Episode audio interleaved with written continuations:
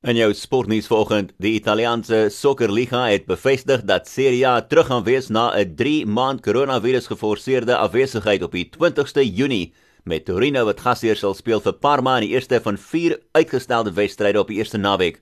Meeste spanne het nog 12 wedstryde wat gespeel moet word, so dit beteken daar is 'n totaal van 124 wedstryde wat oorbly en dit sal dan gespeel word in 43 dae van die 20ste Junie tot die 2de Augustus.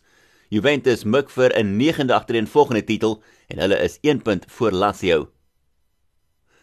Die internasionale netbalvereniging het die jongste netbal wêreldranglys bekend gemaak, gebaseer op die wedstryd wat plaasgevind het voor alle netbalwedstryde gestaak is as gevolg van die koronavirus, insluitende die netbal Nasiesbeker wat plaasgevind het in Januarie. Volgens die jongste ranglys staan Australië bo aan die lys gevolg deur Nieu-Seeland, Jamaica, Engeland en Suid-Afrika voltooi die top 5.